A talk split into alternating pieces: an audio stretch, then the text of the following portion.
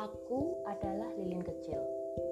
Orang-orang berkata bahwa lilin adalah sebagai simbol filosofi hidup yang sia-sia, menerangi kegelapan orang lain dan menghancurkan diri sendiri. Bukan, bukan seperti itu. Aku adalah lilin kecil. Aku adalah damai. Aku adalah penerang. Aku hidup penuh arti. Adalah lilin kecil.